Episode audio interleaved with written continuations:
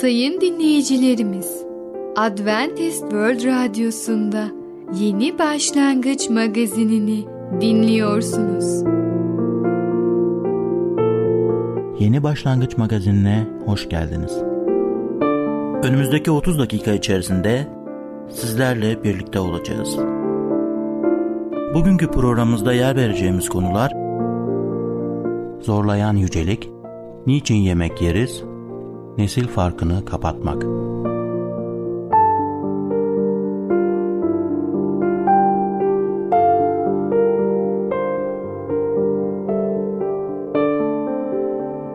Adventist World Radyosu'nu dinliyorsunuz.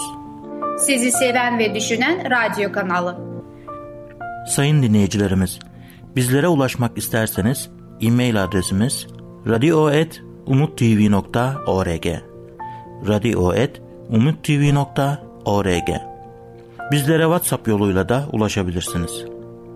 WhatsApp numaramız 00961 357 997 867 06 00961 357 997 867 06 Merhaba değerli dinleyicimiz. Ben Tamer. Bereket Dağı'ndan Düşünceler adlı programa hoş geldiniz. Bugün sizlere zorlayan yücelik hakkında konuşacağız. Bunun için 2. Korintiler 5.14'ü okuyorum.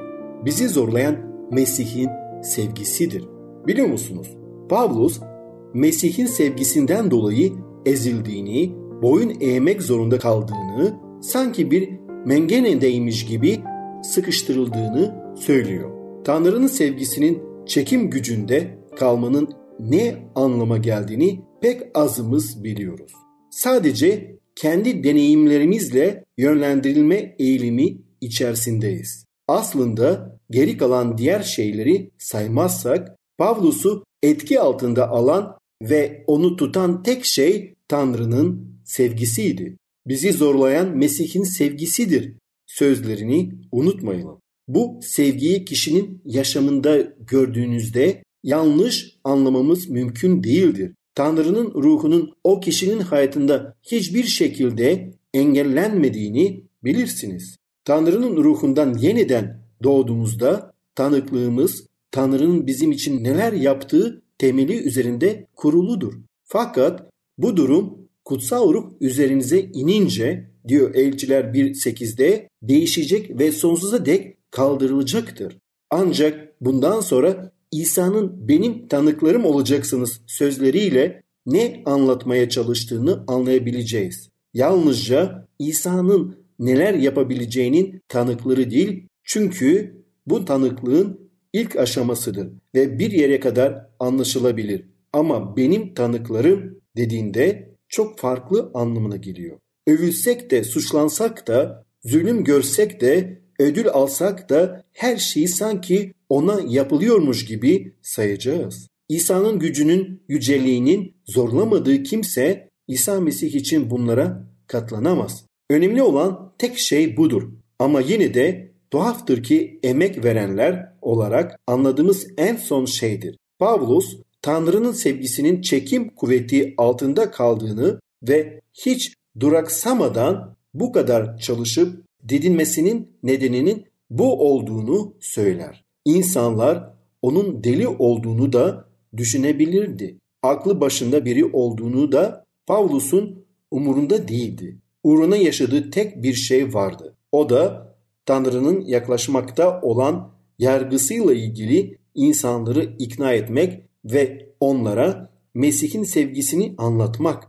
Hayatınızda ürün olmasını sağlayacak tek şey Mesih'in sevgisine bu tür bir teslimiyettir. Ve bu dikkatleri kendi kişisel kutsallığımıza çekmeksizin her zaman Tanrı'nın kutsallığının ve gücünün işaretini taşır. Ve biz Yüce Allah'a iman ettikten sonra ne görüyoruz? Onun sevgisini görüyoruz. Dua ve kutsal kitap Allah'ın bize duyduğu sevgiyi gözler önüne serer. Göklerdeki babamız hayatın, bilgeliğin ve sevincin kaynağıdır. Doğadaki harika ve güzel şeylere bir bakın. Bunların sırf insana değil, yaşayan tüm yaratıklara mutluluk sağlamak ve ihtiyaçlarını karşılamak için yaptıkları harika adaptasyonu bir düşünün. Yeryüzünün tazeleyip memnun eden güneş ve yağmur, tepeler, denizler ve ovalar yaratanın sevgisini dile getirir. Her yaratığın günlük gereksinimini karşılayan Allah'tır. Davut peygamberin güzel sözlerini unutmayalım. Mezmur 145, 15 ve 16'da şöyle diyor. Herkesin umudu sende. Onlara yiyeceklerini zamanında veren sensin. Elini açar, bütün canlıları doyurursun dilediklerince. Tanrı insanı mükemmelce, kutsal ve mutlu bir biçimde yarattı. Yaratıcının elinden çıktığında güzel dünyanın yüzünde hiçbir çürük, lanetin gölgesi bile yoktu. Acı ve ölümü getiren Allah'ın yasasının sevgi yasasının çiğnenmesidir. Fakat günahın sonucu olarak çekilen acıların arasında bile Allah'ın sevgisi ortaya çıkar. Kutsal kitap Allah'ın yeryüzünü Adem'le Hava'nın itaatsizlikleri yüzünden lanetlediğini yazar.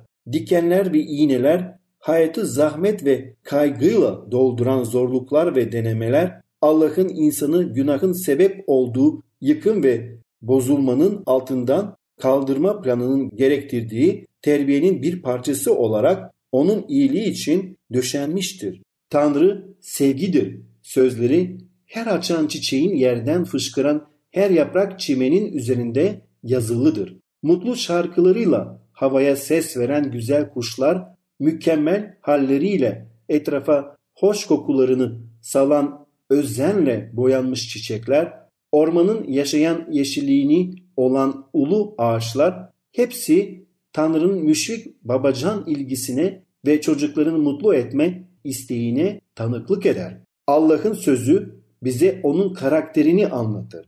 Kendisi sonsuz sevgisini ve merhametini ilan etmiştir. Musa lütfen görkemini bana göster diye dua ettiğinde Allah bütün iyiliğimi önünden geçireceğim diyerek karşılık verdi. Budur onun görkemi. Rab önünden geçerek ben Rabbim dedi.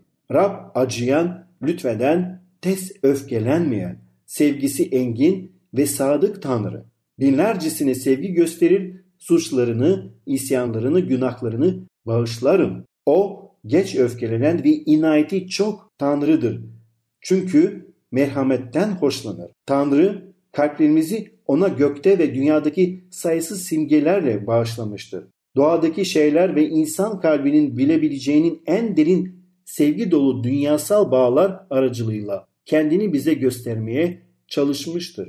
Ancak biz onu kutsal kitapla ve dua aracılığıyla tanıyınca, Tanrı'nın sevgisini görünce biz de onu sevmeye başlıyoruz ve kalplerimizi ona açıyoruz. O bizim kalplerimizdeki birinci yeri alsın. O bizim rehberimiz olsun. O bizi mutlu yarınlara götürsün. Ve biliyoruz ki onun yardımıyla biz bu mutlu haberi diğer insanlara da paylaşacağız. Onlar da harika sevgi dolu Allah'ı tanıyıp onu sevsinler, ona iman etsinler. Değerli dinleyicimiz, bugün zorlayan yücelik hakkında konuştuk. Bir sonraki programda tekrar görüşmek dileğiyle. Hoşçakalın.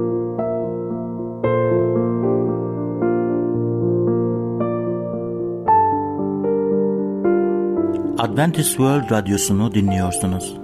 Sizi seven ve düşünen radyo kanalı. Sayın dinleyicilerimiz, bizlere ulaşmak isterseniz e-mail adresimiz radio.umutv.org radio.umutv.org Bizlere WhatsApp yoluyla da ulaşabilirsiniz. WhatsApp numaramız 00961 357 997 867 06 00961 357 997 867 06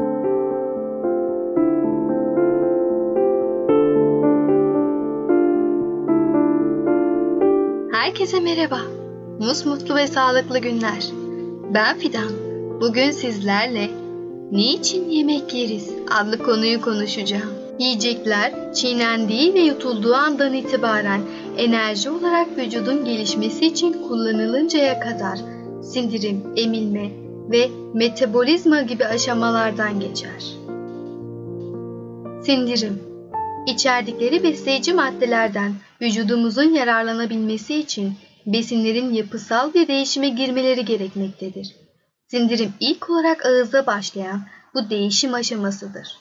Yediğimiz besinler sindirim sonucunda yapısal ve şekilsel değişikliğe uğrarlar. Sindirimin asıl işlevi temel besin ögelerini, karbonhidrat, yağ ve proteinleri kanı karıştırabilecek şekilde daha basit kimyasal maddelere dönüştürmektir. Böylece vücudumuzdaki hücrelerin tümü bundan yararlanacaktır.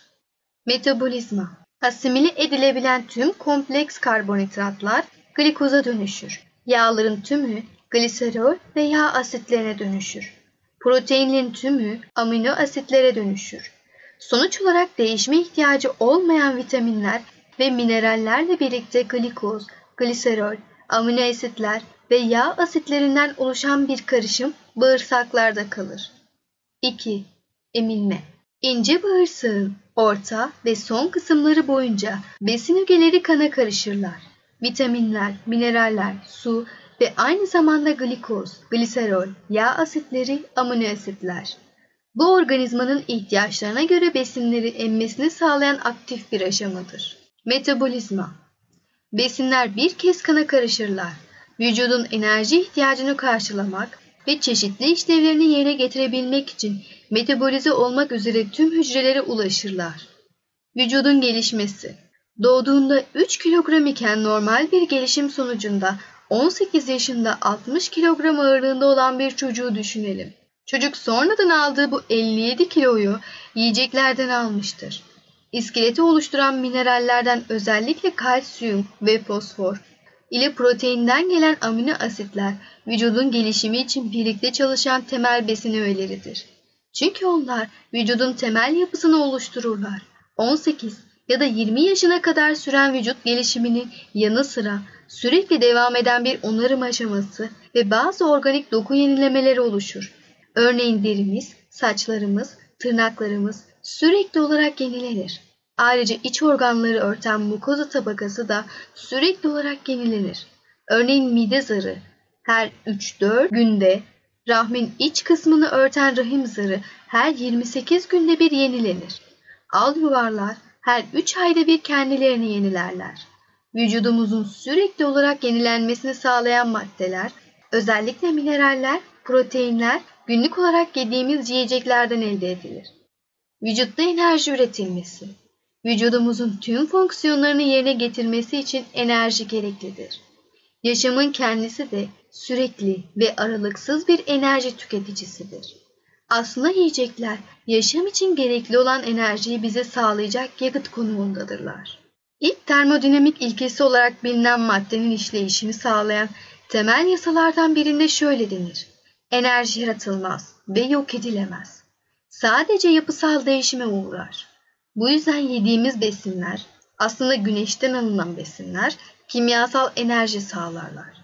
Vücudumuz sinir sisteminin çalışması gibi bunu elektrik enerjisine, vücut ısısını korumak için kalorik enerjiye ve mekanik enerjiye dönüştürür. Vücudun oksijenle yakılmak suretiyle enerji sağlamak için yakıt olarak kullandığı besin maddeleri karbonhidratlar, yağlar ve proteinlerden elde edilir. Karbonhidratlar vücudun temel yakıtıdır ve pratikte bu onların tek görevidir. Özellikle karaciğerde gerçekleşen bir işlem sonunda tüm glikoza dönüşür. Glikoz vücutta yakıldığında 1 gramı yaklaşık 4 kalori sağlar.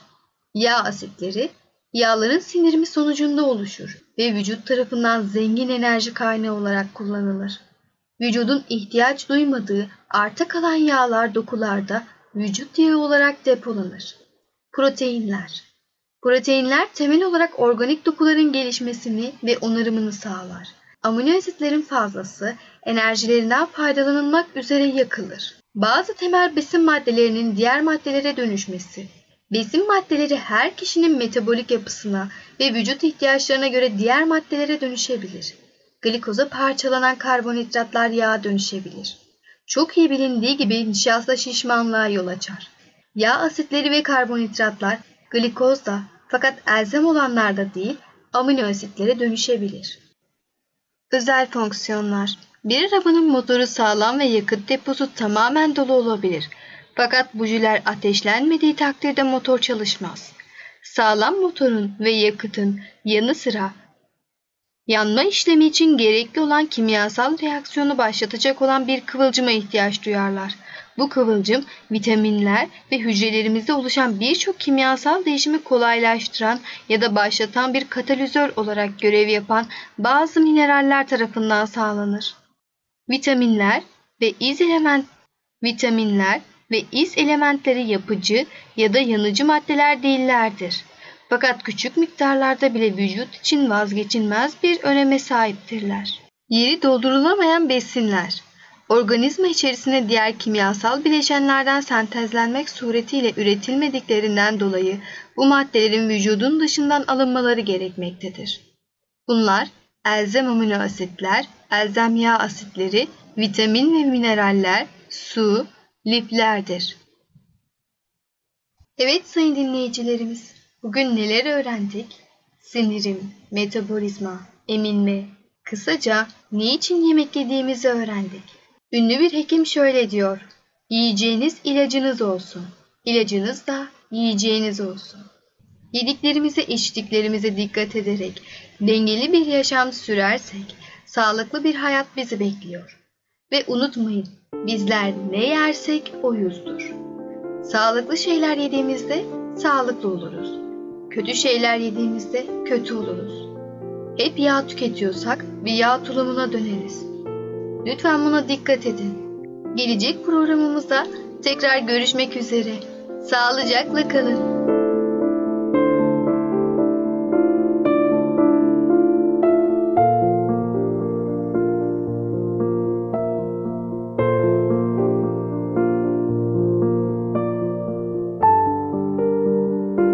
Adventist World Radyosu'nu dinliyorsunuz.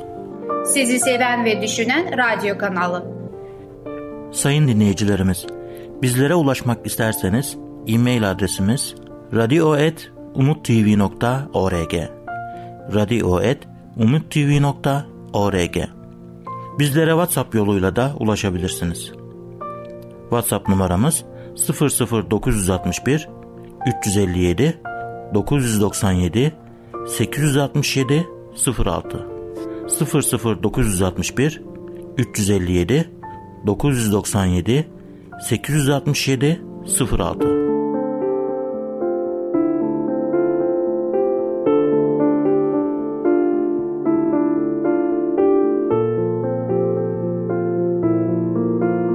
Sevgili dinleyici merhabalar.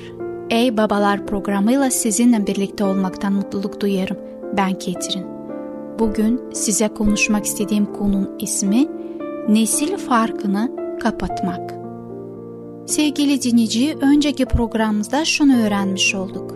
Evet, nesil farkı vardır ama her şeyden önce çocuklarımızı dinlememiz gerekiyor. Olsun anne baba, olsun akrabalar, olsun cemaat içinde insanlar herkesi çocuğun yüreğindeki neler olduğunu, neler yaşadığını öğrenmemiz gerekiyor. Ve gerektiği yerde bir anne baba olarak onlara kendi yaşadığımız hayatlarımızda paylaştığımız zaman neden sonra pişman olduğumuzu gösterdiğimizde veya anlattığımızda onlar bunu mutlaka anlayacaklardır. Polisin araba süren gençlerinden anne babaların beklendiğinde daha fazla şey beklemesi iyi bir şeydir. Trafik kurallarına hepimiz gibi gençlerin de uymaları beklenmesiydi yollar güvenli olur muydu? Çoğumuz şu sözleri duymuşuzdur. Biz de gençken böyleydik. Biz de böyle yaptık. Çocuklarımız da aynı şey yapıyorsa ne diyebiliriz ki? Ne mi diyebiliriz? Çok şey değilsek iyi olur. Eğer iyi bir örnek olmadıysak bunu kabul etmeliyiz. Ayrıca eğer bu konuda gerçekten tövbe ettiysek çocuklarımıza kendi düştüğümüz tuzağa çocuklarından uzak durmalarıyla neden bu kadar ilgilendiğimizi hemen söyleriz. Bir çiftçi oğullarını hep ellerini çiftlik makinelerinden uzak tutmalarını gerektiği konusunda uyardı. Ama bir gün kendi eli zincire takıldı ve çok kötü bir şekilde yaralandı. Bir süre sonra oğullarından biri muzip bir şekilde babam artık bize çiftlik makineleri konusunda dikkatli olmak konusunda bir şey söyleyemeyecek dedi.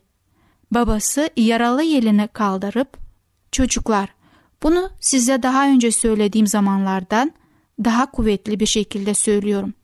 Elinizi zincirlerden uzak tutun diye yanıt verdi. Anne babaların bazen kendilerinden memnun bir şekilde söyledikleri başka bir şeyi de biz de yaptık ve şimdi iyiyiz. O kadar da kötü olamaz sözlerdir. Bu tartışılabilir bir konudur. Şimdi iyi bir durumda olan anne babalar geçmişteki başarısızlıklarının hakkında öyle dikkatsiz bir şekilde konuşmazlar. Elçi Pavlus olsaydı gençlik günahlarından omuzlarını silkerek bahseden anne babalara şimdi utandığınız şeylerden o dönemde ne kazancınız oldu? Romalılar 6. bölümden 21. ayetten okumuş oldum. Çocukların yanlış yapmak konusunda kendileri kadar ileriye gitmelerine izin veren anne babalar genelde çocuklarının kendilerinden daha da ileri gittiklerini görürler. Nesil farkına neden olmanın en basit yollarından biri ihmalkar olmaktır. Çocuklarımızın sorunlarının kendileri için ne kadar önemli olduğunu düşünebilmek için kendimize ait işlere fazlasıyla meşgul olabiliriz. İhmal çok kez çocuklar küçükken başlar. Küçük kızınız okuduğunuz kitabın altından bakışını çıkardığında ya da küçük oğlunuz baba bak ne yaptım dediğinde ne olur? Tabii ki yaptığınız işi her zaman çocuklarınızın için bölmezsiniz. Ama eğer çocuklarınız küçükken onlara yeterince zaman geçirirseniz ergenlik çağında olduklarında bu alışkanlıkla devam ettirmek zor olmayacaktır. Onlar bunu hala takdir edeceklerdir. Bazen biz anne babalar fazla çekingenizdir. Büyümekte olan çocuklarımızla iyi bir ilişkimiz olmasını isteriz ama bu konuda fazla agresif olmaktan korkarız. Boyları, konumları ve başarıları gözümüzü korkutabilir. Onlara yol göstermeye çalışırsak bizi reddedeceklerinden korkmaya başlayabiliriz. Bu yüzden geri çekilip çaresizlik içinde olup bitenleri şeylerden ve aradaki uçurumun genişlemesine izin veririz. Ele alınabilecek daha başka nedenlerde olduğundan şimdilik bunların yeterli olduğunu düşünüp bunlar hakkında ne yapabileceğimiz ele almak istiyorum. Çocuklarımla benim aramda böyle bir uçurum yok. Bu yüzden bana bunlardan söz etmenin bir anlamı yok diyebilmek için çok iyi olurdu. Gerçek şudur ki çocuklarımız bizden bir nesil daha gençler. Bu yüzden aramızda hiçbir şey olmazsa bile bir yaş sorumu vardır. Ara sıra bir iletişim ve anlayış uçurumunda da kendini gösterdiğini kabul etsek iyi olur. İlk olarak kendiniz olun. Bazen anne babalar çocukları gibi olmaya çalışarak nesil farkını kapatmaya çalışırlar. Gençler bunu istemez. Evde anne babaların da ergenler gibi hareket etmesine lüzum kalmadan zaten yeteri kadar ergen vardır. Biz anne babalar kendimizi ergenlerin düzeyine döndürmek yerine çocuklarımızı yetişkinliğe çekmeyi isteriz. Kendinize düşeni yapın. Geriye çekilip gençleri bize erişmeye çalışmasını bekleyemeyiz. Biz anne babaların inisiyatifi ele alıp aradaki boşluğu kapatmaya çalışmamız lazımdır. Belki biz çocuklarımıza en iyi nasıl yaklaşabileceğimizi bilmediğimizi düşünüyoruzdur. Büyük bir olasılıkla da bilmiyoruzdur. Ama kesin olan bir şey varsa o da çocuklarımızın içten çabalarımızı bizim düşündüğümüzden daha iyi anlayıp onları takdir edeceklerdir. Sevgili dinleyicimiz, farkı nasıl?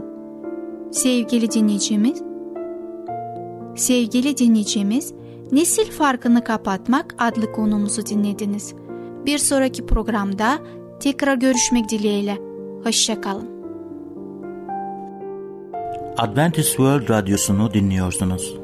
Sizi seven ve düşünen radyo kanalı. Sayın dinleyicilerimiz, bizlere ulaşmak isterseniz e-mail adresimiz radio.umutv.org radio.umutv.org Bizlere WhatsApp yoluyla da ulaşabilirsiniz.